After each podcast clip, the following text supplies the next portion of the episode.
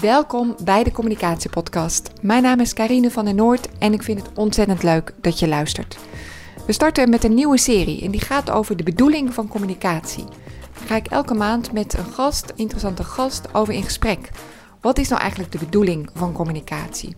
Hoe kan het dat uh, bijvoorbeeld sommige woorden je echt kunnen raken, en gesprekken je een leven lang bijblijven en dat andere communicatie compleet langs je heen gaat en dus eigenlijk zijn doel voorbij schiet? En hoe kan je nou zelf dichter bij die bedoeling van communicatie komen? Gewoontes die je moet afleren, woorden die je misschien anders moet kiezen, stukken die je anders moet schrijven of misschien helemaal niet meer schrijven.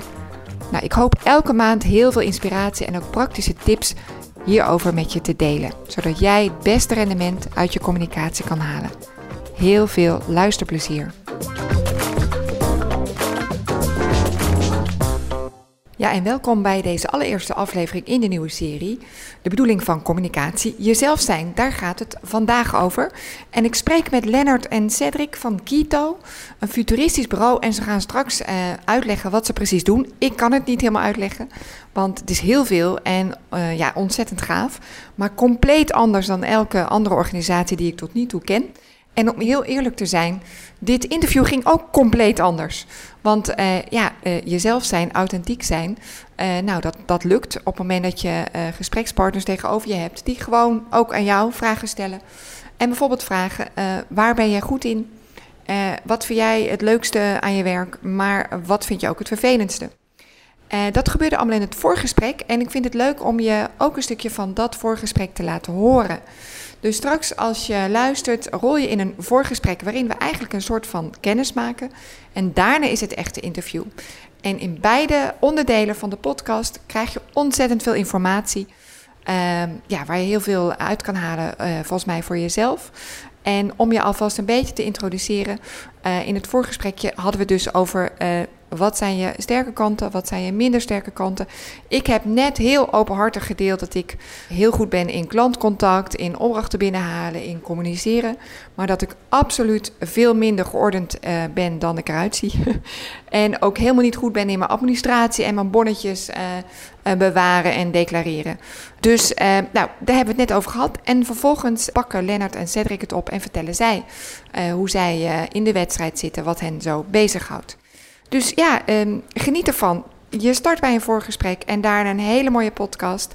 Veel luisterplezier en laat absoluut weten wat je van deze podcast vindt. Dankjewel. Nou, Len, jij eerst? Oké. Okay. Oh, ik eerst, ja? Ja, of ik. Zullen we het tegelijk doen? Nee, dat lijkt me niet handig. Nee, dus ik zal even, ik zal even wat zeggen. Dus ik ben uh, inderdaad Lennart. Ik ben uh, bijna 32. Um, dus een vrouw en een zoontje van 2,5. Uh, woon in Maasluis, geboren in Rotterdam. En ja, ik ben afgestudeerd als organisatiepsycholoog en bijna zes jaar geleden ben ik bij, uh, bij Kito begonnen. Uh, dus opgericht door onder andere Cedric. Ik kwam daar gewoon als een werknemer. Oké. Okay. Um, nee, nee, gewoon, zelfs, Ja, gewoon, gewoon als een normale werknemer. Gewoon een loonslaaf voor, voor meneer de baas die daar zo met een gekke shirt zit. Ja. Dus, uh, en ik moest en heel goed luisteren naar wat hij Sorry. Dat is zes jaar geleden. Zes jaar nog maar? Goh, ja. goed zeg. Ja, dus uh, ja, zes jaar geleden was ik afgestudeerd en ik deed mijn afstudeeronderzoek bij 16 verschillende organisaties, waaronder Kito. En ik keek naar de relatie tussen de perceptie van transparantie uh, voor werknemers, hè, dus van een organisatie richting de werknemers, en of zij daardoor meer bevlogen zouden zijn yeah. in hun werk. Nou, dat bleek zo te zijn. Uh, ik ging al die bedrijven benchmarken, want dat vond ik grappig. En dan gingen die bedrijven ook makkelijker, die haakten makkelijker aan. En na mijn afstuderen deed ik eindpresentaties bij al die bedrijven, waaronder bij Kito. En Cedric is nogal een competitieve ja, gast. Dus uh, die uh, vond het niet zo leuk dat hij wel in de top 3 stond, maar nooit op nummer 1. En uh, dus hij vroeg een beetje van, ja, hoe kan ik dan in nummer 1 komen? Dus ik vertelde wat erover van, nou, ik denk zo en zo en zo. En toen zei hij, ja, wat ga je hierna doen dan? Ik zeg, nou, ja, een baan vinden, want ik ben nu klaar. Ik heb acht jaar lang gestudeerd. Ik had daarvoor nog een international business studie gedaan. En nu is het een keertje tijd om te werken. Ja. Ze zei hij, oh, nou, we hebben nog een vacature open, misschien vind je het wat. En um, dat was dan een vacature voor projectmanager. Kito waren, was toen nog met zeven man, zes, zeven man. En um, uh, nou ja, een organisatiepsycholoog op zeven man is een beetje overkill. Dus dan zou ik ook wel eerst projectmanagement moeten doen. Ja. Nou, je hebt dat net over hoe gestructureerd jij bent. Ik ben echt niet gestructureerd. Maar op dat moment was ik wel de meest gestructureerde van de toko. Dus uh, ik kreeg de baan als projectmanager. Super handig.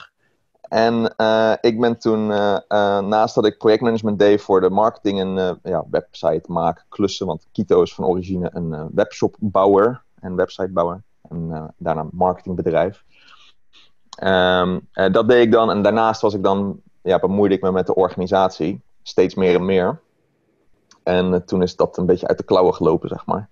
Dus uh, nu is het zo'n beetje zo'n raar bedrijf. Ja. Nou, toen uh, zijn we na, uh, even kijken, nu twee jaar geleden zijn we Kito Y gestart. Um, dus daar ben ik dan mede aandeelhouder van. En ben ik dus ook ondernemer geworden. tussen aanhalingstekens, want ik zie mezelf nog niet echt als een ondernemer. Um, Waarom niet? en daar zijn we eigenlijk dat het hele verhaal wat we bij, de, bij Kito zelf hebben geïmplementeerd, zijn we eigenlijk bij andere bedrijven gaan doen en gaan prediken eigenlijk ook. Dus toen zijn we met de podcast gestart, ja, boek geschreven. Hadden, ik was toen al een tijdje bezig met het boek, dat kwam uh, twee jaar geleden in november uit. Um, en uh, ja, zo is een beetje het balletje gaan rollen. Dus wij staan op het podium, nu niet, met corona. Nee, nee. Um, maar goed, dat is uh, wat het is. Eind van het jaar staan we in theater in Maasluis. Dat wordt wel grappig. Oh, wat 5 november, 5 november, 11 december. Dat ja. is, uh, komt alle. Maar dat is waarschijnlijk al uitverkocht tegen de tijd dat deze podcast. Want oh, die kaarten oh. gaan natuurlijk zo snel. Ja, ja. Want dat wow. zijn maar weinig kaarten. Dat. Dat had ik gewoon kunnen zeggen. Ja, ja, ja. Het wordt echt een ellende. Ja. ja, dus dat wordt heel leuk. En ja. uh, um, ben nu bezig met een nieuw boek aan het schrijven. En wij zijn ook de Skito Academy inderdaad gestart. Ja, sorry, um, ja. En uh, dat, uh, dat loopt wel lekker. En uh, ja, daar ben ik nu eigenlijk uh, volledig mijn tijd aan het instoppen. En ik doe eigenlijk dus geen organisatieadvies meer. Daar zijn wij, daar, in ieder geval wij samen hebben daarvoor gekozen om dat helemaal niet te doen. Hm. Um, en gewoon vol op die academy te gaan. Dus dat is een leuke nieuwe uitdaging. En kijken hoe ver we dat kunnen schoppen. Ja, en, ja, ja. en je zei, ik, ik voel me nog geen ondernemer. Wat? Nee. Nou, omdat ik me altijd een beetje de organisatiepsycholoog heb gevoeld, uh, die meer met dat inhoudelijke bezig was, dan dat ik echt een bedrijf aan het bouwen was. Uh, en nu met Academy heb ik wel meer dat gevoel. Uh, omdat het gewoon een heel concreet product is en ook schaalbaar is. En dat het ook wel echt het daadwerkelijke doel is om te kijken hoe ver we dat kunnen brengen. En met, met Kito Y in eerste instantie was het gewoon, wij gaan gewoon doen wat wij leuk vinden. En we zien wel, als de mensen bijkomen, ja. so be it. En dat gebeurde een beetje. Um, uh, maar niet om echt dat bedrijf mega groot of zo. Nee. Of, uh, um, gewoon, we wilden gewoon, ja, to have a good time, zeg maar. Ja, ja, ja. Met ja. een missie op zich. Ja. Uh, de missie hè, is nog steeds van dat een bedrijf als Kito meer de norm dan de uitzondering wordt. Um, dus dat zit er nog steeds wel in. En, en daar, doen we ook, daar vinden we het ook leuk om de talks van te doen. Uh, om daar op dat uh, onderwerp veel te richten. Of dit soort interviews ja. bijvoorbeeld, ja. waar ja. waarschijnlijk wel die richting op gaat. Dus, um, um, en daar heb, ik me, ja, daar heb ik me gewoon meer de expert, ervaringsdeskundige organisatiepsycholoog in Ja, snap ik. Nu is het ook wel meer, ergens voel ik bij mezelf een soort van urgentie van oké, okay, maar nu moet dat ondernemen ook echt. Want ja, je weet niet hoe het gaat. We moeten echt zorgen dat we nu wel het schip drijvend houden. Hè? Of hebben Zeker. jullie dat niet? Ja, ja zeker wel. Ja, zeker wel. Precies ja. zo. Nou, Oké. Ik heb dat niet zo. Nee? Nee, maar Seth die denkt over andere dingen na. Dus. Nou, vertel. Cedric. Hoe zie jij het? Uh, nou, ik zit privé op dit moment echt verschrikkelijk slecht. Dus wat Oh. dat betreft, ik heb ook getwijfeld om aan deze podcast mee te doen. Maar toen dacht ik, ja, fuck it. Het gaat misschien ook wel over leiderschap en communicatie. Dus dan is het ook gewoon interessant om weer kwetsbaarheid te laten zien en te zeggen, ik voel me gewoon verschrikkelijk slecht. Uh, daar heb ik op dit moment een beetje last van. Ja. Uh, dus ik denk wat minder na over de zaak de afgelopen Ja, twee snap weken. ik dan. Oh joh, het is Eh, echt nu maar- heel maar- recent. Ja, ja, ja. Maar goed, weet je, tegen de tijd dat dit live uitgezonden wordt, waarschijnlijk niet meer. Dus dan is er niks Nee. meer aan de hand. Mensen, maak je geen zorgen. Maak je geen zorgen. Het gaat allemaal goed met mij. En ja, ehm, ik denk dat ik eh, de afgelopen jaren wel in afnemende mate emotioneel eh, betrokken ben bij de zaak. Dus dat het me ook wat minder boeit of de zaak wel of niet goed gaat. Ja? Ik vind het wel boeiend of het salaris gewoon op tijd binnenkomt. Ja. Dus ehm, vroeger vond ik het heel erg belangrijk dat de salarissen van iedereen er altijd op tijd waren. En nu heb ik daar veel meer afstand van genomen, omdat iedereen daarvoor verantwoordelijk is. En vind ik het eigenlijk gewoon wel of niet boeiend of ik mijn management fee op tijd heb. heb eh, en de dingen kan doen die ik leuk vind. En ik heb gewoon vertrouwen dat de zaak wel doorloopt of zo. Eh, en als het niet zo is, dan toch wel. Dus eh, ik denk dat je. omdat, ik zeg nu ook de zaak, maar ik vind meer dat dit een beweging is geworden van positieve mensen en positieve invloed, dan dat het echt een bedrijf is. En ik heb dus ook niet het idee dat een beweging echt failliet kan. Eerder, dat kan hooguit tot stilstand komen. Maar ja, waar ben ik dan bang voor? Dat die beweging even tot stilstand komt. Nou en? En dat een bedrijf failliet gaat, ja, daar zit, uh, dat, dat zou ik heel erg rot vinden. Maar ja, we zijn geen bedrijf meer. Dus ik, ik kijk er wat anders naar. Het voelt wel lekker. Maar het niet dat ja. Academy voor mij wel echt zo'n ding is met een missie. Hè? Dan willen we wel echt gewoon een van de meest uh, verdiepende platforms van Nederland worden. Ja. Um, omdat we vinden dat dat er op dit moment gewoon niet is. Kwalitatief echt de diepte in. Uh, zo in, in, die mate als dat wij nu aan het doen zijn, zeg maar. Um, daar heb ik wel heel erg dat strijdbare gevoel. Uh, maar ik vind met Keto Academy dat we gewoon een half jaar winst hebben. We waren oorspronkelijk van plan om dat in Q3 live te gooien van 2020. Hoorde ik in de podcast, de hel, ja. Uh, ja. Ja, toen ja. brak de hel natuurlijk los met corona. Um, en daardoor viel bij ons gewoon heel erg veel uh, handel weg. Omdat we ja. natuurlijk heel erg veel cultuuradviestrajecten hadden. Maar wat heel erg ingewikkeld was voor alle organisaties waar we voor werkten. Omdat ze ineens met thuiswerken werkten. Nou, dit was in ieder geval reden genoeg voor heel veel bedrijven om te zeggen: ik bevries de hele, de hele boel. En Len en ik keken elkaar aan en zeiden: Oké, okay, nou fuck it, dan gaan we dit vol op Academy en dan gaan we ja. het sneller doen. Bovendien hadden we al wel sprekers bereid gevonden die zeiden: We willen meewerken. Um, maar die zeiden allemaal in de zomer, want we hebben het nu natuurlijk druk. Nou, dat begrijpen ja. wij ook wel. En toen brak de corona uit en toen zeiden ze allemaal: Ja, we hebben nu niks te doen, dus kan het ja, nu. Bizar, hè? Dus toen ja. zijn we eigenlijk gewoon extreem hoog tempo zijn we gaan rammen. Ja. Stond het voor de zomer al live. Dus ik vind iedere klant die we nu hebben, vind ik al winst. Ja, en dat is zijn waar. eigenlijk nog, nog niet begonnen.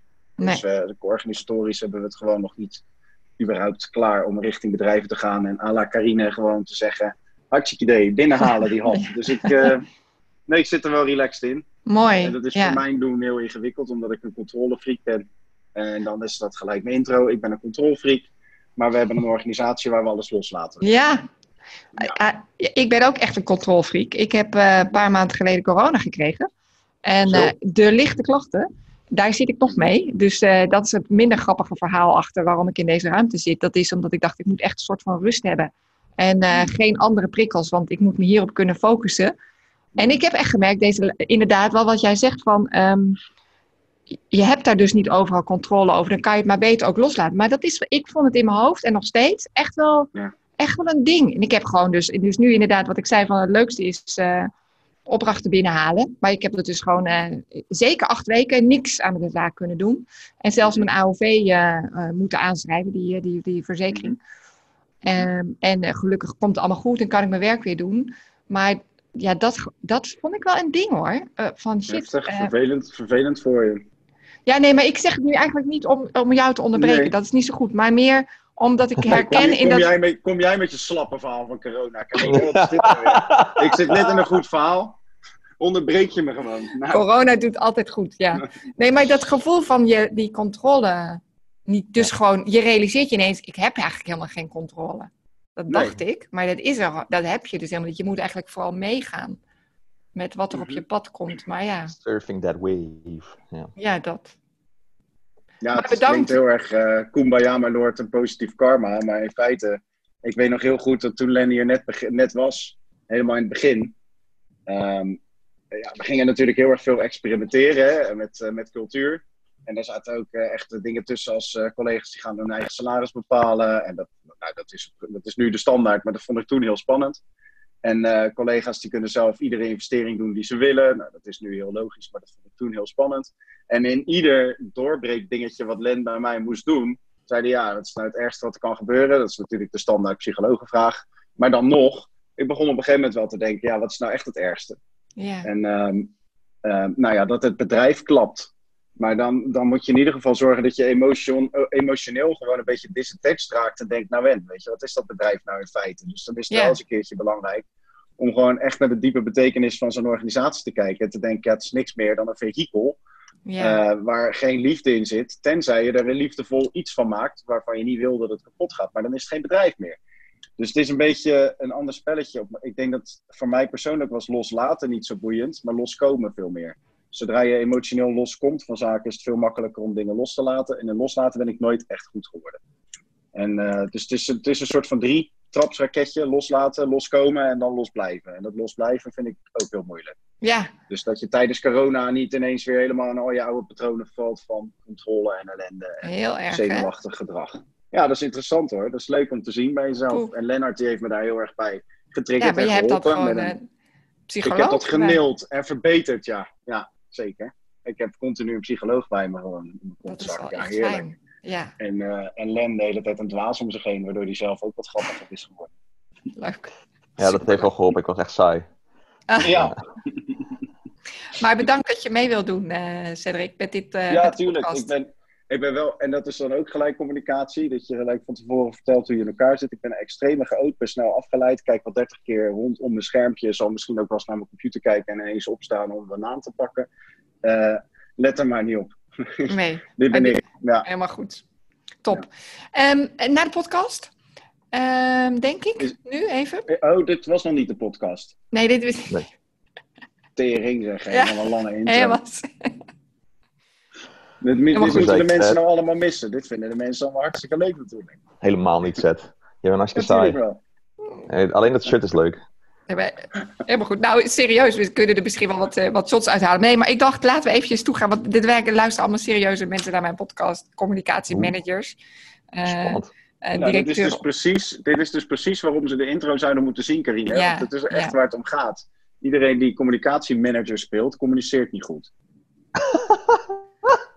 Hey, maar die moet er wel in. Ja, ja, maar dan moet de context er wel bij, want anders snapt de communicatiemanager Nee. niet. Want ja, zonder context kom je ook nergens. Dus nou moet deze er ook in. Dus nu moet Ja. de intro er ook in. Ik ben zo vervelend. Ja, sorry hoor. Maar Helemaal goed. het is wel hoe het werkt. Oké, ik start hem. Yes? En oh ja, Ja. en jullie wisselen elkaar af en ik probeer dat te leiden, want dit is voor het eerst dat ik een eh, podcast met twee mensen. We zien wel. Ja? Helemaal goed. Carina, laat lekker los.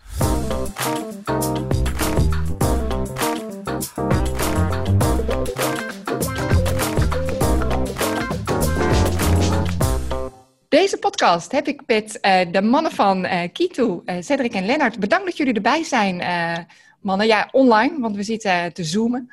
Ehm, eh, en we hebben een podcast en die gaat over cultuurverandering. Maar eerst even over jullie bedrijf. Of moet ik een beweging zeggen? Want jullie hebben iets opgezet en daarbij ondersteunen jullie bedrijven, organisaties bij de marketing en de cultuurverandering.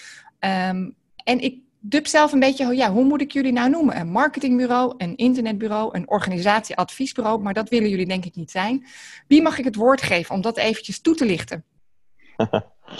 Zet. Je mag, je, mag, je mag- je mag ons allebei het woord geven. Ja, weet je, dat weten wij ook niet precies, Carine. En eh, ja, bedankt dat wij er mogen zijn. Ja, top. Eh, hartstikke leuk allereerst. En, eh, Jij bent Cedric. en, gez- en gezellig voorgesprek. Ik ben Cedric, ja. Ja. En eh Lennart is de inhoud, ik ben de vorm en de clown. Eh, maar ik weet, ik weet ook best veel dingen. Dus dat. Anyhow. Eh Kito, ik, zou, ik vind zelf meer dat we een beweging zijn eh, van positieve invloed. En die zoveel mogelijk positieve invloed proberen uit te oefenen op een directe omgeving, op collega's, op familie van collega's, op klanten, op de familie van klanten desnoods, op de lokale gemeenschappen. Maakt allemaal niet uit. Net wat je wil. Ehm, en dat is dus ook echt het ding, net wat de mensen willen. Want er heerst hier een cultuur, doe wat je niet laten kan en laat wat je niet maken kan. En eh, daarbinnen kan eigenlijk alles. Eh, met een eh, ja, prettige randvoorwaarde. En dat is dat de tent winst zou maken. Alleen Ja. wij kiezen, verkiezen welzijn kei keihard boven welvaart. En heel veel mensen die zeggen, ja, welvaart is wel een voorwaarde. Wij zeggen, nou ja, het, is een, het zou prettig zijn als het er is. Maar ook zonder de welvaart overleven we al negen jaar. Dus het is eh, zonder dikke winsten. Dus Ja. we verkiezen welzijn boven welvaart. In plaats van eh, we kiezen welvaart en welzijn mag er zijn als het ons uitkomt. Nou, daar hebben Ja. we dus een boertje dood aan. Eh, en dat doen we met, weet ik veel, ik- 40, 50 mensen, 50 aandeelhouders in ieder geval. Wauw. Ehm, en waar, waaronder ook klanten, toeleveranciers. Het is meer een, gewoon een groep en dat is wel gezellig. En wat Ja, doet de ik, groep? ja, dat is dus precies wat je zei. Heel veel verschillende dingen. We hebben een psychologenpraktijk. Nou, dat weten heel veel mensen niet, maar nu wel. We hebben Ja. een online learning platform. We hebben een HBO-opleiding. Eh, we hebben een, eh, een, een growth hacking team, die dus inderdaad organisaties van nul naar een paar miljoen brengt en marktleiders maakt. Ehm, we hebben een eh, development tak. Uh, wat heb ik nog gemist? Nou, oh ja, cultuur en organisatieverandering. Len en ik staan in het theater aan het einde van het jaar. Dus we zouden kunnen zeggen dat we theatermakers zijn. Maar ja, weet je, je kan, je kan het niet in een hokje stoppen. Dus iedereen die het probeert, nou, fijne wedstrijd. Het is niemand om negen jaar gelukt. De eerste twee jaar leken we wel echt op een bedrijf met één dienstverlening. We begonnen als webshopbouwer. Dus uh, daar komt ook de naam vandaan, Kito. Dat is ja. uh, oorspronkelijke samenvoeging van Kito I. En de I stond voor e-commerce. Ik kende mensen die een webshop wilden. En mijn compagnon Patrick, waarmee ik ooit begon, die kon webshops bouwen. Dus binnen twee jaar waren we een van de tien betere Magento-bouwers van Nederland. En toen keken we elkaar aan. Na twee jaar zeiden we, nou zijn we ineens een webshopbouwer. En toen zei Pat, ja, daar word ik echt heel ongelukkig van. ja, ja. Ik ook. Maar wat zijn we dan? Ja, dat weet ik niet. Nou, laten we dat in ieder geval nooit bepalen. Maar laten we wel afspreken dat we een bedrijf zijn waar we zelf zouden willen werken. En daar zit denk ik de belangrijkste start van de magie. Mooi. Magie noem ik het ook, hoor je dat? Magie. Fantastisch. Ja, het is geen zelfoverschatting hoor, dit. Het is gewoon keiharde zelf, zelfbewustzijn is dit. Voor iedereen die luistert en heel erg op woorden let, het is toch de communicatiepodcast. Ja, ja, ja, ja, ja. Ja. Hmm. Ik, ik, weet niet of je kan zeggen dat als je zo'n, als je zo'n shirt draagt, zet, dat, het dan, dat je dan heel erg zelfbewust bent van, uh, of nee, maar. ja, iedereen die deze podcast luistert, moet ook echt eventjes naar het YouTube-filmpje. Wij zitten ook hier in een prachtige combinatie van uh, kantooromgevingen. Jullie zitten echt een heel mooi hip kantoor bij Kitu. En ik zit in een uh, bedrijvenpand in Apeldoorn, wat redelijk saai is, maar wel heel mooi verzorgd qua techniek. En ik heb zo'n gekke koptelefoon op, want dat is beter voor de podcast. En daar hadden we net al een leuk voorgesprek over. En uh, Lennart, wil jij je nog kort introduceren? Want jij bent een van de eigenaren van Kitu en jullie hebben het samen eigenlijk doorontwikkeld naar deze beweging. Wat is jouw rol precies? Ja, dus ik ben uh, organisatiepsycholoog van, uh, van origine. van origine, alsof ik zo geboren ben. Maar ja. ik afgestudeerd als organisatiepsycholoog en toen ben ik bij Kito begonnen in eerste instantie uh, als projectmanager. Dat was in het derde jaar dat Kito bestond. Um, en ik had een bepaald idee over hoe je organisatie, of hoe een organisatie zou kunnen zijn. Hoe werk zou kunnen zijn. Dus dat werk eigenlijk leuk zou kunnen zijn in plaats van hoe ik altijd naar werk keek daarvoor. Was uh, in een cubicle zitten, luisteren naar een baas, uh, altijd om negen uur er zijn en om, op de klok kijken, zodat je weet wanneer je om vijf uur weg kan gaan. En ik, had, uh, ja, ik wilde dat op een andere manier. Uh, en ik had het idee dat dat bij Kito, uh, dat ik daar wel stappen in kon maken. toen ik begon waren ze met zeven man. ja, dus nu iets van 40, 50 man. Um, en ik kon lekker aan de organisatie sleutelen. En dat lieten ze me ook toe. Dus Cedric liet dat mij doen. Vond het wow. niet altijd even leuk. Um, en, maar langzaam maar zeker kwam die er wel steeds meer in. En dat vond ik ook wel stoer. Dat, uh, en Cedric en Patrick allebei wel de stappen uiteindelijk durfden te zetten na veel overhalen van mij. Um, en dat ze ook steeds meer loskwamen van de, van, van, uh, de organisatie en het op een gegeven moment ook niet per se meer als uh, hun kindje die ze maar stevig vast moesten klampen zagen. maar dat langzaam maar zeker ook de wijde wereld een beetje in konden gooien. Maar dit is en, inderdaad... ja, sorry. Ga door. Ja, nee, dat geeft helemaal niks. En twee jaar geleden zijn wij toen... Breek, breek uh, maar in hoor, Carine. Dat ja, ja, dat moet je zeker doen. Nee, ik, wij ik wil doen, dat... Ja, ja, ga door. Nee, ik ga, ja, ik, nee, ik ga jou zo meteen wat vragen, maar ga door. Ja, ik lul, ik lul gewoon een end weg. Um, duurt, duurt en, um, ja, precies. En twee jaar geleden toen zijn we Kito Y gestart. Um, Cedric en ik samen, uh, wat meer als een organisatieadvies onderdeel uh, uh, extra BV uh, onder Kito viel. Um, waar ik dan dus ook mede-aandeelhouder van ben. Maar ik ben ook nog eens mede-aandeelhouder lichtelijk van de Kito groep. Want er is nu dus een groep. En ja. daaronder vallen vier BV's, waaronder Kito Y. Um, en nou, in die hogere groep daar zitten dus 50 verschillende aandeelhouders, waaronder collega's, klanten en leveranciers, zoals Cedric zei. Ja. Um, en ja, wij zijn een podcast gestart. Ik heb een boek geschreven. Uh, ben nu bezig met een tweede boek schrijven. Um, uh, wij spreken veel op podia. En uh, we adviseren dus her en der wat directeuren of organisaties. En we zijn dus onlangs Kito Academy gestart. Dus dat, dat platform, ja, online course platform eigenlijk. Ja, waar we wow. hele top sprekers uitnodigen. Ja. om te komen spreken en een verhaal te doen. Mooi, mooi. Cedric, jij hebt dus eigenlijk, jij, hebt het, uh, jij bent gestart met, uh, met de organisatie, met het bedrijf. En toen is er, uh, kwam er een psycholoog voorbij. En die was net afgestudeerd. En die heb jij losgelaten in je bedrijf en die is gaan sleutelen. wat maakte dat je zei of dacht of dat je dit deed? Wat zat er ergens? Wat, ja, daar ben ik benieuwd naar. Hoe, hoezo laat je iemand zomaar daarmee bezig? Met welk doel? Um, omdat ik standaard niet per se heel erg leuk vind. Uh, daar begint het wel mee. Ja. Um, omdat ik heel erg veel vertrouwen had in Lennart. En omdat alles wat hij zei wel heel erg resoneerde met mijn eigen identiteit. Uh, dus daar, daar begon het mee. Hè? Vertrouwen, uh, willen spelen, dat soort zaken. maar verder ook, ik wist wel dat het alternatief ook niet bij mij past. Dus het, het alternatief, zeg maar, ik noem het maar even een, een rigide organisatie, een hark, um, command and control, span of control. Allemaal van dat soort zaken waarbij ik eigenlijk al continu tegen mijn eigen beperkingen aanliep omdat ik een enorm, uh, uh, ja, ik ben nogal een wiebelige gast, uh, concentratiestoornisje en um, rete creatief, maar ook commercieel. En ik wil dat gewoon allemaal kunnen mengen. Ja. Nou, op het moment dat je mij, zeg maar, CEO of manager laat spelen, dan krijg je een hele ingewikkelde organisatie. waar relatief weinig vaste processen in zitten. Dus ik wist altijd wel dat ik um, mensen nodig had die dat beter konden. Maar dan heb je het een soort van twee afslagen. Laat je die mensen dat zelf beslissen of ga ik die mensen dan in place zetten en ga ik dan een soort van controlegroep creëren en mijn eigen MT. Dat voelde al nooit goed. Dat was ook de reden dat Patrick en ik dat destijds al nooit deden. Uh, en Lennart die zei gewoon, luister, je kan daarheen en je kan daarheen. Wat voelt beter? Ja, dat voelde voor ons gewoon veel beter. Ja. En dat heeft bij mij vooral te maken met het feit dat ik niet zo in de bestaande systematiek geloof. Dat ik daar tot een beetje buiten de boot viel, in het onderwijs al. Dus de, de structuren die in het onderwijs nu bestaan, die werken voor een heleboel studenten prima. Het, het, onderwijs is niet zo ziek als iedereen altijd maar zegt, maar er zijn een heleboel mensen die niet precies in het onderwijs passen, waar geen passend alternatief voor is. Ja. En datzelfde vind ik binnen organisaties. Um, de cultuur zoals die bestaat, die mag ook bestaan. Hè? Dus het uh, command and control, uh, het Tayloriaanse. Ik vind het prima dat dat bestaat, waar het niet dat er uh, ook andere smaken zijn. En wij wilden met Kito dan wel laten zien dat er ook iets anders te drinken was dan cola.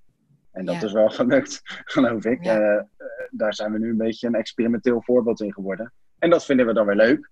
Want Ja. dat is goed voor mijn ego. Want die doet het ook nog steeds. Ja, die doet het nog Ja. steeds. En wat, Ja, is dan het, en, en wat is dan goed gelukt? Zeg maar, wat is dan die andere organisatievorm? Kan je dat concreet maken?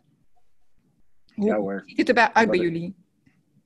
Eh, op het moment dat je bij Kito zou willen zeggen: Ik wil iets anders gaan doen dan wat we vandaag als organisatie doen, dan mag dat. Dus als er nu een van de 50 mensen zegt: Ik begin een kapperszaak, dan zeggen de collega's: Zo leuk, hoe moet je doen? Normaal gesproken is het zo dat het businessmodel bepaalt wat voor mensen je nodig hebt. Hier bepalen de mensen wat voor businessmodel je hebt. Eh dus eigenlijk gewoon totaal omgedraaid. Wat dus ook betekent dat als je überhaupt de illusie van controle hebt, eh, als je die al had, dan hoef je die bij Kito helemaal niet meer te hebben. Want je weet vandaag echt niet waar we over twee jaar zijn.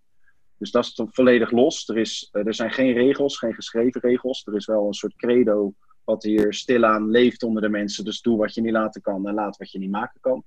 In die eerste zit heel veel vrijheid, in die tweede zit heel veel verantwoordelijkheid. En tussen dat spanningsveld eh, wordt hier geopereerd. Op basis van vertrouwen, op basis van eh, veiligheid en eh, vrolijkheid. En allemaal veetjes. Ik zou sowieso een hele rits veetjes op kunnen noemen, maar dat wordt saai. Collega's bepalen elkaar salaris. ze, onbeperkt vakantiedagen, uiteraard. We praten überhaupt niet over vakantie. Want ja, waar heb je vakantie voor nodig als je nooit aan het werk bent? Ehm, ja, zo is het een beetje. En ehm, eh, dat. Gewoon rommel, Collega's- maar wel ja. georganiseerd. Ga Collega's ontslaan elkaar ook. Geen, eh, geen managers. Ehm, eh, ze beoordelen elkaar. Ehm, eigenlijk alles wat normaal gesproken door een management of door verschillende afdelingen gedaan wordt in andere organisaties, dat wordt hier door alle collega's samen gedaan. Of in ieder geval de collega's die zich daartoe geroepen voelen. Ja, Dus ehm, we hebben ook geen functies. Eh, en je, bent je, bent gewoon, je zit wel in een bepaalde rol, misschien omdat daar je expertise ligt, maar die staan nergens vast. Dus dat is altijd leuk als er stagiaires bij ons komen die een organogram moeten maken eh, voor, hun, eh, voor een opleiding. Dan kunnen wij altijd even lachen, want dan zeggen we, nou, succes, ga het maar Ja, weer ja. proberen. En dan komen ze nooit uit. Dus dat Nee. is heel leuk. ja. Geweldig. En, en wat levert het dan op? Ja, ik blijf toch een beetje in die oude structuren denken en dat moet een resultaat hebben. Maar waarvan zeg je van ja, maar dit, eh, het werkt echt goed. Dit is gewoon wat meer bedrijven zouden moeten willen. Want dat zeggen jullie, want je gaat die kennis ook Mhm. delen en die deel je al. Dus er, zal iets zijn Ja. waarvan je zegt, ja, Meerdere, dit, dit zou je moeten willen. meerdere dingen. Ehm, Ja, eh, voor- het is sowieso... voor- laten voordat we, voordat we Ja. antwoord geven, kan je ook wel de vraag afstellen: waarom moet het iets opleveren? Dat, Ja, dat, dat- alleen, al, eh, dat alleen al is natuurlijk eh, misschien. Nou ja, eh, stel nou dat je in een organisatie werkt en ehm, eh, jij bent. ik kan me vanuit jou voorstellen, want jij, jij zegt van ik wilde die vrijheid en wat uit die systemen. Maar andere mensen in bedrijven hebben misschien juist baat bij zo'n structuur en zo'n systeem. En tegelijkertijd zie je ook wel dat er een vraag is naar meer vrijheid en meer creativiteit. Maar het, het vraagt nogal wat om een hele organisatie om te tunen. Ik weet dat eh, van, en nou, een voorbeeld, mijn man werkt in de, in de zorg, is manager in de zorg. En daar wordt ook over gesproken van hoe kunnen we veel meer de verantwoordelijkheid laag, hoe kunnen we veel meer vanuit de teams laten komen. Maar je wil niet weten wat een gedoe om een hele organisatie op die tour te krijgen. Dus het moet denk ik wel wat opleveren, als kan je net zo goed blijven bij wat je, wat je hebt. Zeker. Ik, ben ook wel, ik ben het ook wel eens dat het. eh, ehm, het- we hebben het ook wel gedaan met natuurlijk een soort doel in, in, in ons hoofd. Namelijk dat wij eh, een werkplek wilden creëren waar we zelf dus graag in wilden werken.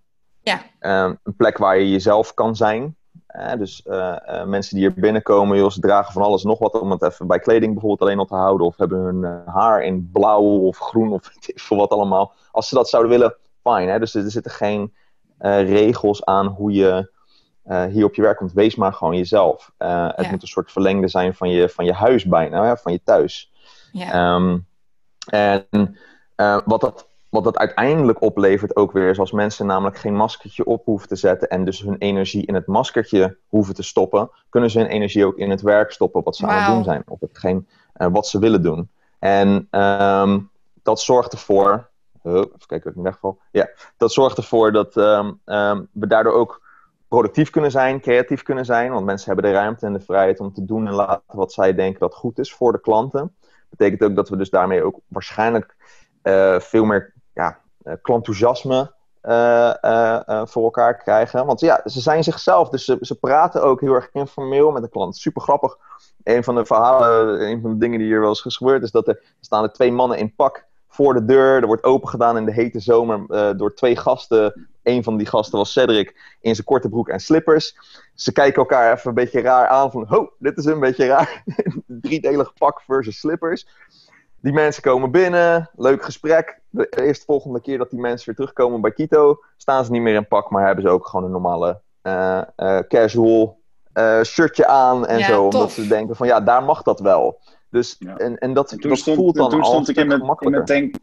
Toen stond ik in mijn tanktop en toen voelden ze zich alsnog heel erg ongemakkelijk. Geweldig. Nou. Ja, maar ik begrijp wat je zegt wel. Ehm, je mag je, jezelf zijn of zo. En ik herken het eigenlijk wel, want wij zaten net te praten hiervoor. En in no time had ik al verteld eh, dat ik van, zo, van het voorjaar corona heb gehad en een poos thuis heb gezeten en nu in dit saaie kantoor zit, omdat hier geen prikkels zijn. Ik heb dat op Ja. LinkedIn nog nooit gedeeld. En ik denk ook altijd dat je Mm. dat niet te veel moet zeggen. Maar bij jullie blijkbaar kan je dat gewoon zeggen. Ja, Eh, ik ben enorm voorstander van eh, al die dingen wel zeggen. En ik weet dat ik daar heel veel tegenstanders in heb, maar daar, ja, daar ga ik wel goed op. Ehm, het ding is, jezelf mogen zijn, dat klinkt natuurlijk zo corny. Maar ik heb net in het voorgesprek ook gezegd dat ik op dit moment privé gigantisch slecht zit. Eh, Ja. Er speelt nogal wat bij mij. En Ja. toch ben ik hier. Maar het feit Ja. dat ik dat al tegen jou heb gezegd en dat Lennart dat weet en Lennart ook verrast is dat ik hier nu zit. Ik ben blij dat ik dit even kan doen. ja. Eh, eindelijk gewoon lekker luchtig lullen over communicatie en over cultuur. Dat vind ik leuk. Dus dan doe ik dat ook gewoon. Maar ik hoef hier niemand anders te zijn dan mezelf. Dus ik, als ik straks wegloop om een banaan te pakken, dan zullen sommige mensen die kijken of luisteren zeggen: Nou, dat is ook raar dat die Cedric ineens een banaan gaat halen. Maar dat ben ik. Ik heb honger. Eh, dus ik ga een banaan halen. En ik hoef me totaal niet aan te passen aan Nee. Geldende conventies. En dat ehm, iedereen die dat wel moet doen, dus acht uur in een pak eh, een bepaald trucje moet doen, ja, die komt thuis en die moet een petje afzetten. En dat, dat kost gewoon moeite, dat kost energie. Het Ja. is dus niet alleen dat, het, eh, dat je die negatieve energie niet meer hebt. Het is ook dat op het moment dat het slecht gaat thuis, dat ik naar de zaak kan en dat ik hier gewoon kan janken. Ja. En dat ik hier eh, op mijn collega's kan bouwen. En voor iedereen die nu denkt, oh ja, dat is zo'n internetbedrijf. Nou, we hebben net al laten zien dat we niet per se in een hokje te duwen zijn. Maar dat is vast zo'n bedrijf met allemaal jongeren en allemaal mannen met eh, raar haar. Want zo worden we vaak wel weggezet als een homogeen jong clubje. Nou, het is hier heel erg heterogeen. Er werken hier heel veel mensen met kinderen, maar er werken ook 50-plussers. En die 50-plussers hebben soms al tien verschillende werkgevers gehad. En pas bij Kito zijn ze, zijn ze echt bevrijd, zeg maar. Ehm, die hebben ook helemaal niet heel erg veel moeite om los te komen in dit systeem. Omdat ze zeggen, ja, uh, ik ben nou al zo oud, ik kan heus wel de verantwoordelijkheid nemen voor mijn werk. Dus jullie hoeven me echt niet uit te leggen hoe ik mijn werk moet doen. Prettig dat ik zelf kan bepalen of ik thuis zit, wel of niet. En of ik Slack wel of niet gebruik, of ik wel of niet bij een bepaald bedrijfsuitje ben. Uh, want soms gaan de bedrijfsuitjes er hier heel erg stevig aan toe. Nou, dan zijn ze daar niet bij, ergens anders weer wel. Als je het niet leuk vindt, organiseer je eigen bedrijfsuitje. Het is allemaal makkelijker of zo. En dat versimpelen, dat zou ik uh, iedere organisatie toewensen, omdat je dan ook gewoon niet meer met heel erg veel onzin, normaal zeg ik bullshit, dus laat ik gewoon bullshit zeggen, uh, bullshit bezig ben. En een van die zaken zijn al die verschillende uitzonderingsregels in cao's en werktijdverkorting en uh, voorziening dit voor, voor iemand die ziek is en voorziening zus voor iemand met kinderen. En daar dan vervolgens weer 15 mensen voor aannemen die dat allemaal goed bijhouden. Wat zijn we nou in vredesnaam aan het doen? Voegt dat iets toe aan de economie? Nee, je bent elkaar allemaal ontzettend uh, uh, ja, veel uh, last tot last. Je bent elkaar gewoon tot last. Je bent niet de goede dingen aan het doen. Ga, ga een bejaarde thuis helpen of in de zorg. Daar hebben ze handen tekort. Nee, dan ga je elkaar zitten controleren op getalletjes en wat je hebt ja. afgesproken. Ja. Nou, dat vinden wij onzinnig.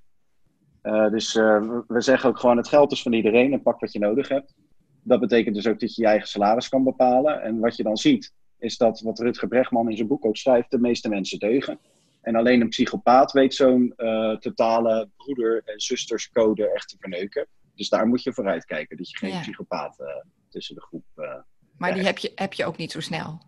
Nee, en, die, en als, als, je die tegenkomt, dan stuur je die met pek en veren de deur uit. Ja, maar, want um, um, ik ben wel benieuwd naar. Sowieso eerst bedankt. Bedankt voor nu al het inzicht dat ik met jullie zit te praten en denk: ja, er gaat ook bij mij nog steeds heel veel energie uh, zitten in het netjes doen, het goed voorbereiden. Um, zorgen hoe kom ik over. Terwijl ik denk dat ik redelijk mezelf ben. En terwijl wij een organisatie zijn van freelancers, dus we doen ook allemaal ons eigen ding en we werken hard voor klanten. Maar dan nog heb ik altijd ook nog het stukje van, uh, ja, maar het moet wel een beetje volgens uh, de regels uh, zoals het hoort. Hè?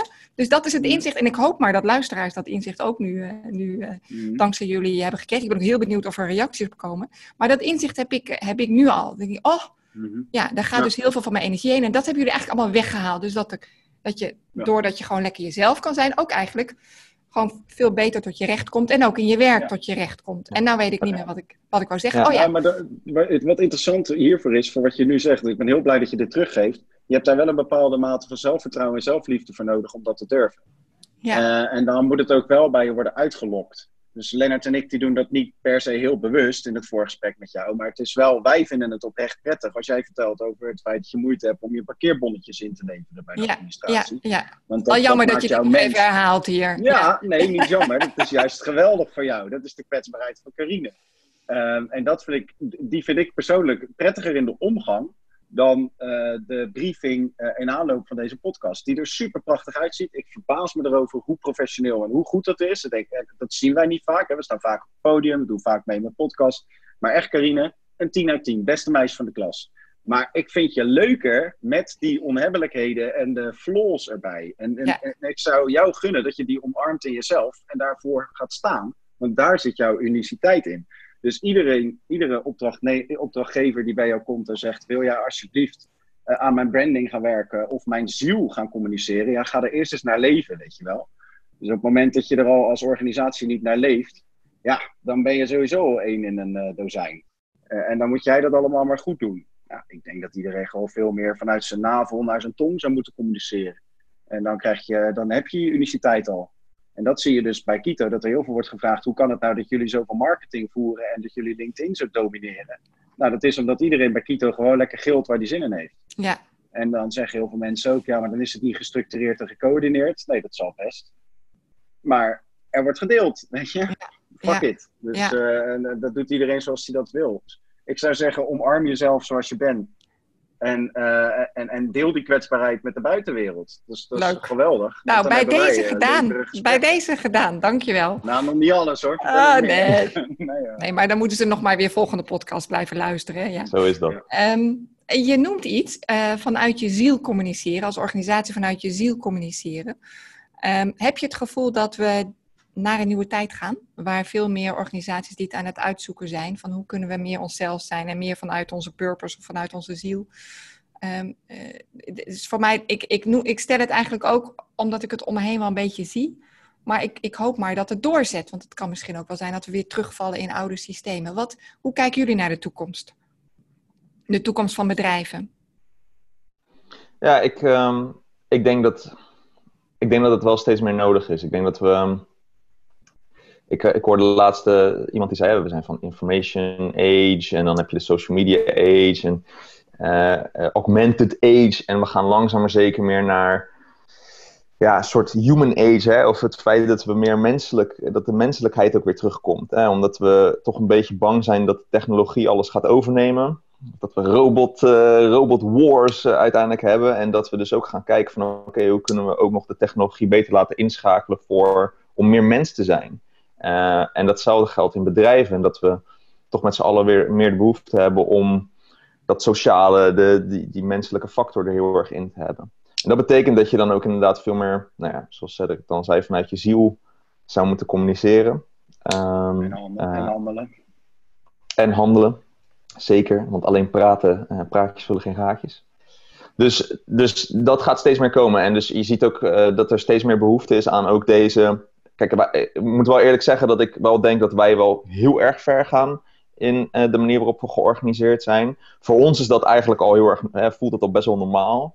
Maar wij verbazen onszelf nog best wel vaak dat we, dat we bedrijven tegenkomen die ons echt extreem raar vinden. Uh, en waar het nog zo soort van voor ons in de steenkolentijd terug is, dat, ehm, dat we wel eens vergeten hoe ver wij eigenlijk zijn. Maar ik heb wel het idee dat er steeds meer behoefte en hang naar is om naar die, een beetje in die richting op te gaan. Dus um, dat zie je ook aan de jongere generatie, die steeds natuurlijk meer purpose wil, meer invloed um, in de dingen die ze doen. Ja, dan kan je als organisatie niet achterblijven, want zometeen zit je alleen nog maar met de oude dinosaurussen. En je wilt toch een keer je bedrijf misschien verjongen of in ieder geval wat nieuwe mensen binnen proberen te halen. Ja. En dat gaat bijna niet meer op die oude, of, dat gaat steeds moeilijker waarschijnlijk op die oude manier. Zeker als er meer en meer voorbeelden komen van bedrijven zoals deze. Ja. Of zoals die van Visie, uh, hè, van Tom ja. van der Lubbe die je hebt geïnterviewd. Ja. ja. En, Dat, en zodra dat meer een soort van, oh dat is er ook, waarom zou ik dan in hemelsnaam kiezen voor een bedrijf waar ik nog steeds een soort van dikke sigaarrokende baas heb die de hele tijd maar vertelt wat je moet doen en boos wordt en met de deuren smijt als je het even niet doet zoals hij of zij wil. Ja. En uh, dat, uh, uh, ja, daar gaan mensen zich tegenaf zetten. Ja. En dan gaat het wel anders worden. Mooi. Ik ben nog niet heel optimistisch. Ik, nee? heb, ik, ik, heb een beetje de vrees en het gevoel dat het ehm, dat dit nu door heel erg veel organisaties wordt ingezet om eens te proeven als een soort van ander, uh, ander smaakje ijs. En te kijken of dat dan de oorspronkelijke conventionele targets, zeg maar, dus nog steeds de ja, vanuit het resultaat. Die al, ja, precies, vanuit het resultaat gedacht en dan instrumenteel een andere methode inzetten. Ja. Ten eerste gaat dat niet werken. Ten tweede vind ik dat je dan je ogen dicht doet voor wat de wereld nodig heeft. De age of well-being, inderdaad, wat Lens zegt. Uh, weet je, corona heeft uh, voor veel mensen wel de ogen geopend. Uh, en er, er, is een elitegroep en een, nou zeg even, er zijn duizenden ondernemers die nu echt wel heel erg planet-centric aan het nadenken zijn. met de human in hun hoofd. maar het gros, gewoon de conventionele organisatie, de beursgenoteerde bedrijven, de zorginstellingen, het onderwijs, dat denkt echt nog en masse gewoon op de ouderwetse manier. En die vinden het vernieuwen doodeng. En dat is omdat de, de mensen die daar nu werken, uh, allemaal over een eigen functie uh, bezorgd zijn. Dus ja, dat maakt het een soort van ingewikkeld uh, vacuüm hè, waar je in zit. Ja, en daar ben ik wel soort redelijk van... pessimistisch over nog. Dat is niet zo. Ja, maar het heeft tijd nodig. Ik denk, het heeft gewoon tijd nodig. Je begint, je, ze moeten eerst beginnen met het überhaupt, hè, de, de, de wil moet er zijn om, om naar zo'n organisatie toe te gaan. En dat heeft ook tijd nodig. Op een gegeven moment moet er, komt er een noodzaak. Namelijk, we krijgen uh, heel moeilijk nieuwe mensen bijvoorbeeld binnen. Of uh, uh, onze klanten geloven ons niet meer, want we zijn niet zo authentiek als dat we ons voor, zelf voordoen. En um, ja. Dus ik denk dat als die noodzaak er komt, dat er wel. Huh? De zeespiegel stijgt, biodiversiteit. Kijk, uh, pas bij echt hele grote aardschokken zoals corona gaan, uh, gaan mensen nadenken. Maar ik denk dat je een paar van die aardschokken nodig gaat hebben. Daar ben ik wat pessimistisch over. Hmm. Dus dat het nu zo is dat mensen zeggen: Goh, het is echt wel een trend hè, dat we vooruit gaan en meer purpose-driven. Want ja, de nieuwe generatie wil dat ook. Dus ook weer een instrumentele gedachte. Ja, ja, ja. Dus dat je dan al vrij snel, nou ja, er is nu beweging. Dus laten we de beweging omarmen hè, en dan zijn we weer even klaar. Maar dan is het een trucje. Ja, ik denk dat het nog wel zo is dat, uh, dat de meerderheid denkt, nou het zal mijn tijd wel duren, ik kijk eerst even wat de rest doet. En het is inderdaad wat Len zegt, met de tijd gaat absoluut de standaard van vandaag volledig om. Het gaat heel anders worden dan dat het vandaag is. Dat is één ding wat heel erg zeker is, maar wat mij betreft gaat dat niet snel genoeg. Uh, en ik denk ook dat de wereld meer uh, versnelling nodig heeft op dat vlak. En dan heb je het gewoon echt over de grote wereldwijde problemen die je met z'n allen moet tackelen. Die gewoon in stand worden gehouden door de huidige manier van kapitalisme. Ja. Dat is mijn vraag. Maar goed, nou wil ik het niet te, te uh, negatief buiten de communicatiepodcast maken hoor, Carine. Maar ik heb wel een vrolijk shirt aan, maar op dat vlak ben ik vrij... Uh, nee. Uh, Pessimistisch of zo. En, ja, zagrijnig ja. wel. Ik, ik, ik, vind het oprecht irritant dat ik me op een verjaardag continu moet verantwoorden voor onze rare manier van denken. Kijk, op het moment dat, uh, dat, dat wij dat nog steeds moeten, en ik merk daarin wel dat uh, uh, het wordt steeds vaker normaal gevonden, maar dat is ook omdat wij ons meer omringen met die mensen. Ja. Maar over het algemeen, iedere keer als er nog een keer iets geks gebeurt bij Kito, dan krijg ik van de tien reacties, krijg ik van acht mensen, ja, maar ja, hè, zei ik toch. ja, dat kan je verwachten als je zo ja. werkt. Oh ja, oh ja, dat oh, hè? Jullie zijn, een, jullie zijn een beweging. Oh jee, ga je nou weer iets raars doen? Dat soort dingen. Of, klanten werden ook aandeelhouders. Ja, dat moet je niet doen, joh. Wat nou als je een geschil hebt met een klant? Je bent je bent continu, um, is het raar wat wij doen. Je moet je steeds verdedigen. Denk, ja, ik denk dat wij heel weinig raars doen. En we doen alleen heel veel buiten de norm. Dus, uh, maar ik, ik, dus is het raar. Heel veel, en dus is het, ja. Ja, mensen denken vanuit de norm, ja. En stel nou dat de mensen luisteren, want ik zou heel graag even toe willen naar een stukje praktijk. Van hoe kan je dat nou in de praktijk doen? Uh, stel dat de mensen luisteren en die zijn in een organisatie en die hebben ook een, een, een invloedrijke positie in de organisatie. Dus die, die kunnen daar aan knoppen draaien. En die luisteren en denken, ja, uh, ik, heb hier, ik, ik, ik wil hier toch een eerste stap in zetten. Uh, waar moeten ze beginnen? Hoe zou je dit ervan uitgaan dat, het, uh, dat de bedrijven dit echt toch echt willen. En ook niet als trucje, maar wel van binnen en gezegd van ja, ik, uh, ik wil dit. Waar moet je beginnen? Transparantie. Die... Van? Van alles. Dus als je um, start nou eens met echt te zeggen dat je als manager bepaalde dingen niet weet. Of dat jij soms bepaalde targets opgelegd krijgt waar je het ook niet altijd even mee eens bent. Maar dat we er nu bijvoorbeeld maar even aan moeten voldoen. Omdat we niet anders kunnen, want anders dan. Ja. Um, uh, uh, vertel eens wat, uh, wat nou echt de doelen zijn. In plaats van wat een soort van metrics zijn. Of we hebben, weet je, we, er zijn heel veel van die bedrijven die dan een of andere why of purpose op de muur plakken. En dat, moet het dan, dat is opeens weer de nieuwe strategische uitgangspunt. Waar we, ja, en dan denkt iedereen, nou, ik heb geen idee wat het betekent. En vaak ook de managers zelf die denken, ja, voor mij geldt het eigenlijk ook niet echt. Durf dat eens te zeggen tegen je collega's, weet je. Durf dat eens te zeggen tegen je werknemers of de mensen die uh, onder je uh, staan. Um, want dan word je opeens namelijk meer een mens. Ja. En als je meer een mens wordt, dan ga je meer die connectie met je collega's aan kunnen gaan. En dan kan je langzaam maar zeker erachter komen wat zij nou eigenlijk allemaal willen. Uh, waar, waar worden ze nou echt warm van? Wat vinden ze nou echt leuk om te doen? Um, hoe kunnen ze nou echt zichzelf zijn in jouw team of in jouw groep of jouw hele organisatie of je afdeling? En, en zo kan je langzaam maar zeker verder bouwen. Als je namelijk weet wat zij willen, dan kan je zeggen, nou, misschien werkt dat juist wel heel erg goed voor ons. Ga dat eens een keer Ja. proberen. Ja. En zo kan je langzaam maar steeds stapjes maken. Maar het begint in eerste instantie met die informatie in eerste instantie voor, eh, voorzien. En dat je ook daarmee het vertrouwen geeft eigenlijk aan je, aan je mensen. Van kijk, ik, ik vertrouw in jullie. Ik vertrouw dat jullie ook met deze informatie gewoon goed kunnen omgaan. Ik heb jullie niet voor niks aangenomen, als je er even goed over nadenkt. Ehm, eh, dus hier heb je het. Het is open. Vertel ook kwetsbaar over jezelf. Hè, zoals Seth bijvoorbeeld dan ook uh, doet. Of zoals jij net ook hebt gedaan met je bonnetjes, Karin. Dat soort dingen werken heel erg goed om die menselijke factor meer in je organisatie te krijgen. En ehm, uh, transparantie is daar een hele goede basisvoorwaarde voor, wat mij betreft. Seth heeft waarschijnlijk nog een ander idee. Ja, vertel. Eh. Nou, als, als, als Len van die, kom, van die kant komt, dan zou ik van de andere kant willen komen. Dat is dat iedereen zich eh, bewust wordt van ehm, het principe bedrijfje spelen. Dus dat iedere keer op het moment dat iemand merkt, ik ben bedrijfje aan het spelen, of manager aan het spelen, of ik ben iets aan het spelen wat ik eigenlijk niet ben. En je gaat dan een introspectie gewoon kijken, oké, maar wat wil ik nou echt? Dus wat wil ik nou echt bereiken? Dus zelf dus die doelmatigheid van wat Len benoemt.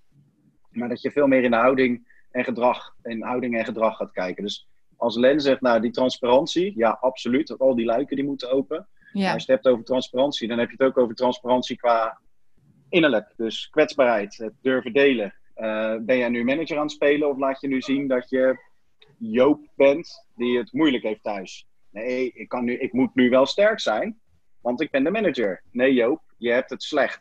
De reden dat er zoveel burn-outs zijn, is omdat iedereen die rolletjes aan het spelen is. Dus laten we daar eens even mee ophouden. Dus ik zou zeggen, oké, stop met bedrijfje spelen en eh, stel bij alles wat je doet drie keer de waarom-vraag. Waarom doen we dit eigenlijk? Ja, omdat het zo hoort. Oké, maar waarom hoort het zo? En continu doorvragen totdat je denkt, goh, dat is eigenlijk raar dat we dat doen. En daar dan gewoon eens mee ophouden en kijken wat er gebeurt. En dan zie je dat de wereld helemaal niet vergaat. Sterker nog, dat alles veel mooier wordt. Maar ik weet dat het moeilijk is, want Lennart die heeft mij daar iedere keer toe geprikkeld. Maar wat een hel is dat als manager. ja? Om zo die stappen te ondernemen. Ja, Want, dan, wat allemaal- gebeurt er dan? Wat gebeurt er dan op het moment dat je dat gaat doen? Ja, je laat de controle los. Je moet eh, conventies in je hoofd loslaten. eh, terwijl je denkt, ja, maar zo is de wereld toch? Zo ben ik ook gewoon opgeleid. Hè? Dus ik heb wel een raar t-shirt aan en ik heb een grote mond. Maar ik ben ook gewoon opgevoed door mijn moeder met die zeiken en, en ga met die banaan. Ja. En laat, laat eerst maar eens zien dat je wat kan. Haal je En, eh, diploma's? ja, haal je diploma's. ehm, eh, ja, je kan wel iemand vertrouwen, maar laat, laat het eerst maar eens zien. En, ehm, dus ik moest allerlei overtuigingen van mezelf loslaten. Daar kom, je, daar kom je jezelf kaart in tegen. Maar dan kom je ook wel een mooier iemand tegen als je maar lang genoeg door blijft gaan. Ik heb, als ik kijk naar mijn eigen ontwikkeling over de afgelopen negen jaar dat Kito bestaat, en dan in het bijzonder de laatste vier jaar, nou, daar ben ik gewoon ontzettend dankbaar voor. Eh, ik ben een mooier, ik ben nog steeds hetzelfde mens, maar ik heb wel meer inzichten en ik sta veel relaxter en lichter in het leven dan dat ik stond. Mij krijg je gewoon niet meer gek. Nou, dat is ook fijn. Terwijl je een controlfreak en ik heb bent. mijn banaan. Ja, je hebt Ja. je banaantje. En terwijl je een Ja. controlfreak bent. Ik, ik vind dat echt wel eh, fascinerend ergens. Of I- zo. iedereen, is die, iedereen is die controlfreak, maar het is gewoon een illusie. Wat is een illusie? Die Controle. Kijk naar, coro- Ja, ja. Kijk naar corona. Ja. Ik bedoel, Ja, klopt. Ja, je denkt dat je ja. controle hebt, maar je hebt, het, je hebt het helemaal niet. Nee, en daarna krijg je het wel weer onder controle als het allemaal uit de hand loopt. Dat is wat anders. Eh, dat kunnen we hier nog steeds doen bij Kito. Dus mensen die denken ook, oh ja, dus dan is het helemaal een ongestuurd eh zootje ongeregeld. Nee, we sturen met z'n allen wel. Alleen we sturen bij wanneer het echt nodig is. En we laten vrij zolang het kan. Dat is ook nog zo'n mooie one-liner. Hey, je kan in control zijn zonder te controleren. Wil je hem uitleggen? Ja, dus je kan nog steeds, ehm, eh, het, eh, in ieder geval, als je, nou, zoals Cedric er nu bij zit, hè, dat hij zegt van, nou, ik ben nu rustig, ik, eh, ik laat mezelf niet heel erg snel meer gek maken, dan ben je in control, Ja. maar hij is niet meer aan het controleren of ervoor te zorgen of te managen dat het allemaal maar naar zijn hand gaat. Hè? Hij laat dat los, waardoor hij Dat nog steeds die- in control is. Dat is dat En, bevrijdende gevoel ook wat je dan ontdekt. eh, Zeker. Hè? Ja. Zeker, want dat Ja, maakt, je, het maakt je los. Hè? Het maakt je, eh, nou ja, als je niet meer. eh, Dus ik heb ook wel eens, ik heb vaker tegen Cedric vroeger in het begin gezegd, dat vond hij heel vervelend. En Patrick trouwens ook, de twee oprichters. Toen zei ik van, weet je, ik zou het wel eens grappig vinden om te zien wat er gebeurt als Kito failliet gaat. Gewoon, ik ben geïnteresseerd. Dat vonden ze helemaal verschrikkelijk. Dat kan je niet zeggen, want we gaan helemaal niet Ja. failliet en dat moeten we niet willen. En waarom zeg je dat nou? En waarom zou je dat leuk vinden om te zien? Dat is toch super stom? En ik zei, ja, maar het lijkt me gewoon ergens wel boeiend. Weet je, wat gaat er met de mensen gebeuren? Hoe gaan jullie reageren? En hoe ga ik erop reageren? Ik ben gewoon nieuwsgierig. En gewoon dat met zo'n nieuwsgierige blik naar iets kijken, maakt dat je, ja, dan maakt het ook niet uit, al zou het dan failliet gaan. Dat is toch grappig? Gaan we zien wat dat doet. En als je dus die, als je dat gevoel hebt van, let's see what happens, dan maakt het ook niet meer uit. En dan, eh, ja, dan alles wat je probeert, of dan, dan ben je ook niet meer bang voor de risico's. Want wat is het ergste wat kan gebeuren? Dat het failliet gaat. Oh, we leven in Nederland, we komen in de WW, of we, we hebben een of andere sociale voorzieningen. Dus, weet je, eh, dood ga je hier waarschijnlijk toch niet. in ieder geval niet, eh, misschien door corona, maar niet eh, door, door gewoon ehm, met je bedrijf bezig te zijn en misschien failliet te gaan, dat komt allemaal wel goed. Ja. En wij zijn allemaal redelijk slimme mensen. dus daar kom je ook nog wel eens makkelijk, relatief makkelijk misschien aan een volgende baan. Ehm, dus probeer gewoon, doe eens lekker gek. Ga eens experimenteren, weet je wel. Ehm, kijk eens wat er gebeurt. Wees niet zo bang. Mooi. Laatste vraag aan jullie, want uh, luisteren ook communicatie-experts, net als ik, um, hebben vaak een rol uh, in adviesfunctie in organisaties en zijn natuurlijk opgeleid om de organisatie beter te laten communiceren met zijn klanten of met zijn medewerkers. Uh, welk advies heb je voor ons vakmensen? Wat zouden wij meer mogen doen of wat zou je ons mee willen geven? Dat is eigenlijk denk ik een beetje wat waar we het nu in de hele podcast al een beetje over hebben. Hè? Durf durf wat meer van jezelf te laten zien. Durf eens te gaan communiceren over dingen die je echt aan het hart gaan of die je misschien wel heel erg lastig vindt om te communiceren. En kijk eens wat dat doet. Hè. Veel mensen zijn inderdaad bang om hun zwaktes te laten zien, omdat, eh, of, of hun kwetsbaarheden te laten zien, omdat ze het gevoel hebben dat ze daarmee zwak zijn. Ja. Maar wat het grappige is, is dat iedereen die dat doet, die wordt heel erg gezien als supersterk. Ja. En als je dat besef hebt, dus eh, wij kennen en, en, bijvoorbeeld Nick van de Adel, uh, is een spreker die bij ons op Kito Academy staat. Die uh, heeft een dwarslezing gehad en die uh, zit dus in een rolstoel. Zag ik op die LinkedIn vertel ja. Die vertelt over zijn, zijn ongeluk, over de problemen die hij daarin heeft meegemaakt. Over hele nare ja, privézaken eigenlijk. Waar hij elke dag mee moet dealen. Als hij bijvoorbeeld alleen al uit zijn bed stapt. Hoe hij dat dan moet doen en hoe hij onder de douche komt. En dat hij dus zichzelf ook bevelt in bed, omdat ja, hij heeft geen controle meer over alles wat daar beneden gebeurt. En hij vertelt daar zo open en relaxed over dat iedereen zegt: Wauw, jij bent enorm sterk, Nick, dat jij dit kan. En wat ben jij veerkrachtig en knap en, enzovoort. Dus hij, hij wordt sterk gezien omdat hij zijn zwakte durft te vertellen. En als meerdere mensen dat nou eens nog meer gaan doen, dan gaan we die menselijkheid meer krijgen uh, in organisaties en ook daarbuiten. Mooi. Ik denk dat dat heel erg goed zou zijn. Mooi. Um, jij noemt het al even, de Key to Academy. Um, dus dat is eigenlijk het platform waar je meer kennis kan halen. En wil je daar iets over vertellen? Want daar zit ook nog een heel leuk uh, uh, bijkomstigheid voor luisteraars. Hè? Die kunnen op een soort van inlog. Vertel, vertel, wat is de Academy? De Skito Academy is een platform waar uh, hele toffe experts, sprekers, gedachtenleiders vertellen over uh, ja, hun expertise, wat vooral gericht is op een beetje de nieuwe wereld. Uh, dus je kan dingen leren over hoe ga je goed om met stress, hoe word je dus veerkrachtig, uh, hoe kan je zo vrij organiseren. Dus wij hebben, Seth en ik hebben ook een cursus daar. hoe kan je meer klantgericht, ja, klantenthousiasme krijgen. hoe kan je verleuken in je organisaties? Hoe kan je ondernemen met impact? Nou, van alles nog wat, superveel verschillende onderwerpen. En nou, we hebben het in deze podcast uh, natuurlijk ook een beetje gehad over de manier waarop wij georganiseerd zijn. En dat zit veel in dat vrij organiseren stuk. Dus alle mensen die inschrijven voor de, voor de nieuwsbrief van Karin, schrijf je dus in voor de nieuwsbrief, dan um, uh, krijgen jullie uh, twee maanden gratis toegang tot dat platform. en kan je dus, en dan het stuk van vrij organiseren. Dus je krijgt toegang tot de vrij organiseren cursus voor twee maanden. En daar kan je nog veel meer leren over hoe wij georganiseerd zijn, hoe je daarmee kan beginnen, waar je tegenaan loopt, uh, wat heel erg lastig is en waar je soms even doorheen moet.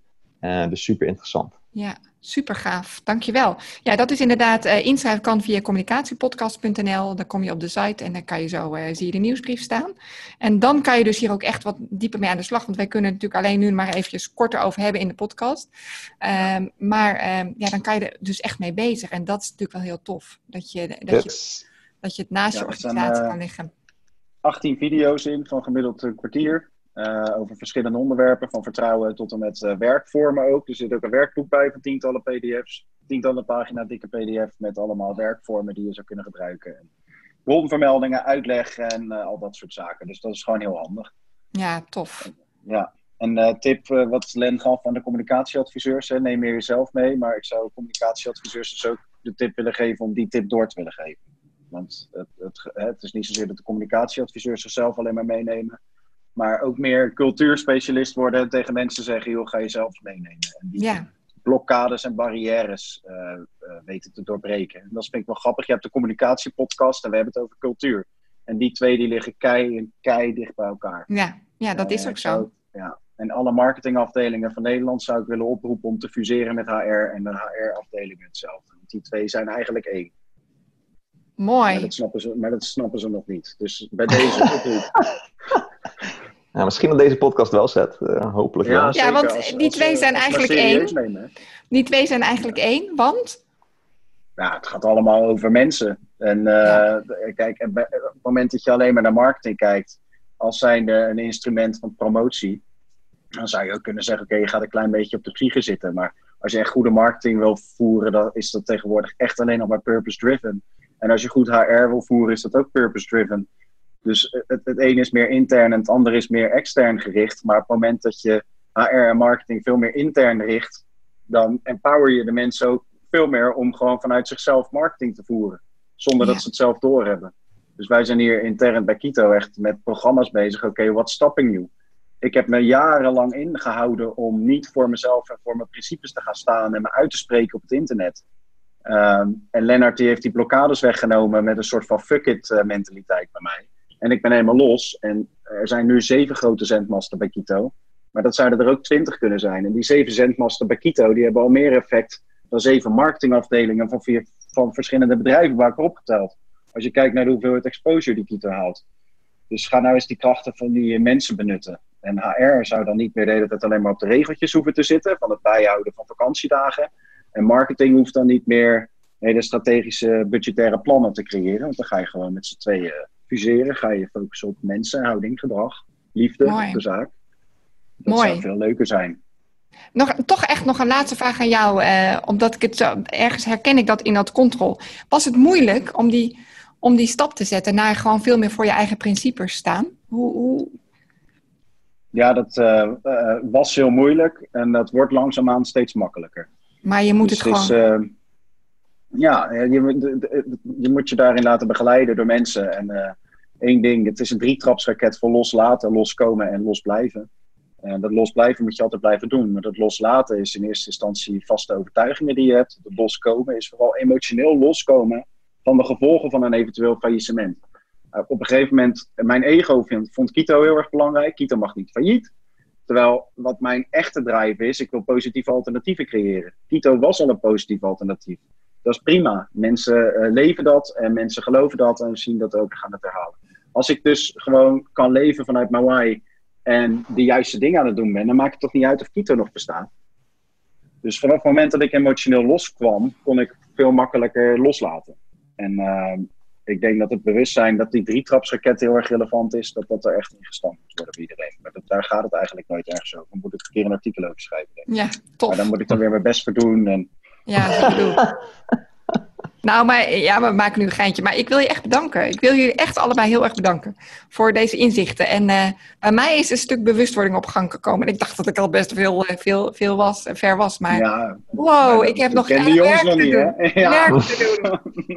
En, ehm, en dus dan gaan we naar, ehm, eh, naar Key2 Academy. En ehm, eh, kunnen we daar alvast twee maanden eventjes mee aan de slag. Ontzettend bedankt voor jullie inspiratie. Eh, ik sluit deze podcast af. Ehm, als mensen jullie willen volgen en ze zoeken je naam op LinkedIn, dan vinden ze jullie. Hè? En Key2 vind je op Instagram, Ja. alles. Komen ze, eh, komen ze bij jullie terecht. Ehm, en dat geldt ook voor mij. Eh, onder mijn eigen naam zit ik op LinkedIn. En op Instagram vind je mij. ehm, en deze podcast staat eh, op de platforms. En dus ook op onze website, decommunicatiepodcast.nl. En laat even een reactie achter wat je vindt van, van deze inspiratie. Bedankt voor het luisteren.